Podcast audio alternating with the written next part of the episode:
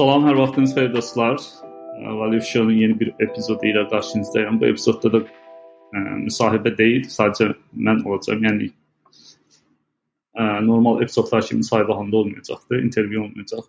Bu epizodda ə, uzun müddət əvvəl blogda yazdığım bir yazıdakı mövzunu sizinlə paylaşmaq istəyirəm.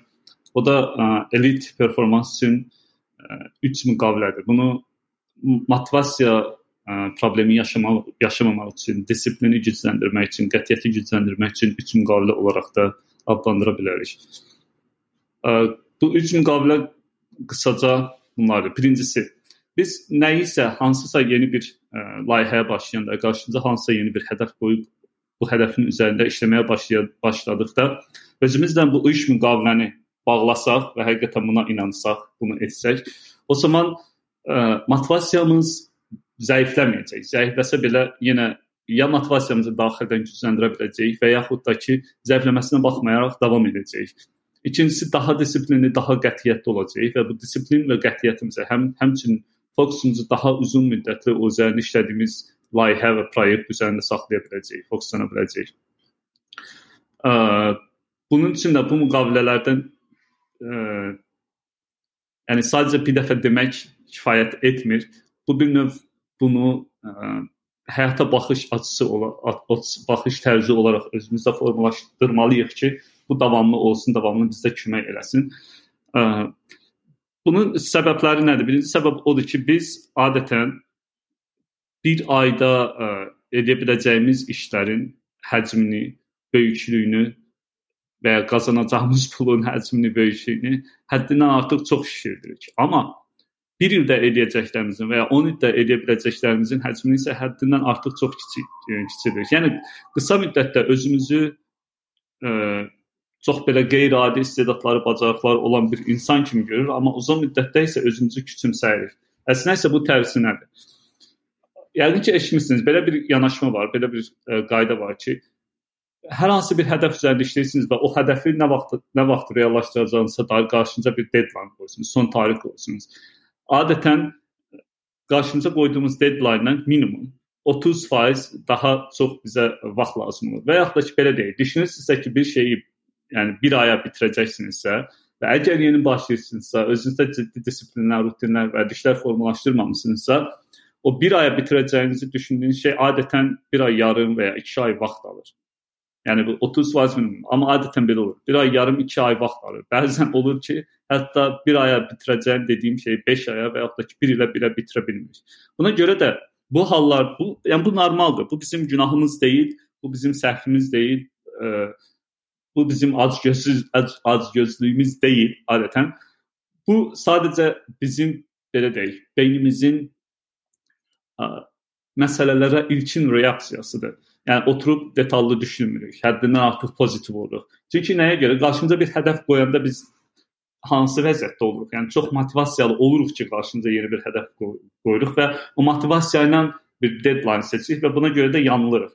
Yəni o motivasiya ilə deadline seçdiyimiz üçün qarşılaşacağımız çətin işləri, təsdiq edəcək işləri, çıxaracaq problemləri və s. və laxır yəni bizi gecikdirəcək, bizi yavaşlad yavaşladacaq ə, bu yolda qarşımıza çıxacaq bütün faktorları, əngəlləri tam hesablaya bilmirik.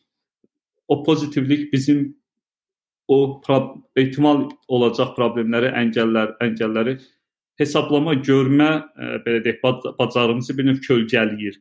Ona görə də ə, yəni bir ay bir ay deadline qoyuruq, amma sonra bir ay olur baxırıq ki, ciddi bir irəliləyiş belə et etməmişik. Hələ qalsın ki, ə, tamamilə bitirmək.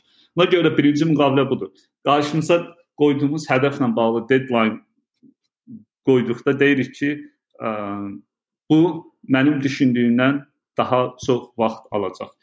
Yəni burada digər bir önəmli nyans da var. O da odur ki, deadline əslində nə qədər yaxın olsa yaxşıdır. Çünki o cür olduqca özümüzü məcbur edəcək ki, vaxtımızı daha səmərəli istifadə edək. Lazımsız işlərə sərf etdiyimiz vaxtı, enerjini həyatımızdan çıxaraq bunları yavaş-yavaş həyatımızdan təmizləyək. Həyatımızı o şeylərdən təmizləyək ki, bu önəmli işlər üzərində işləməyə həm vaxtımız qalsın, həm enerjimiz qalsın. Hətta enerji mental e, enerji, zəhni enerji, emosional enerji, psixoloji o enerji e, vaxtdan daha önəmlidir. Çünki o olmadıkdan sonra bir gün tamamilə boş olsaq belə kifayət qədər o boş işini istifadə edə bilməyəcək. Ona görə də ən önəmlisi bu enerjimizi qorumaqdır. Yəni enerjimizi alan, yox edən şeyləri həyatımızdan çıxara bilməkdir. Ə, yəni deadline-ı mümkün mərtəbə yaxın qoyacağıq. Yəni belə deyək də rasional olacaq. Yəni sadəcə bir şey əgər biliriksə ki, bir ay vaxt alacaq. Yəni bu bunu deyə bilər ki, mən bunu yarım ayda necə edə bilərəm? Çünki bu cür sualları soruşmaq da bizə əslində kömək olur, ə, belə deyək də kreativ olmaq üçün, yaradıcı düşünmək üçün və daha öncə heç düşünmədiyimiz metodları devrəyə ə, metodlarından istifadə etmək üçün. Daha öncə belə deyim də ola bilər ki, hansısa insan və insanlar var, bizə kömək edə bilərlər və o insanlar bizə kömək eləsə, biz bir ayda normalda bir ayda bitirəcəyimiz işi əslində yarım ayda da bitirə bilərik. Bunları tapmaq üçün bu ə, özümüzə bir növ təzyiq tətbiq etməliyik və deadline-ı mümkün mərtəbə yaxına qoymalıyıq.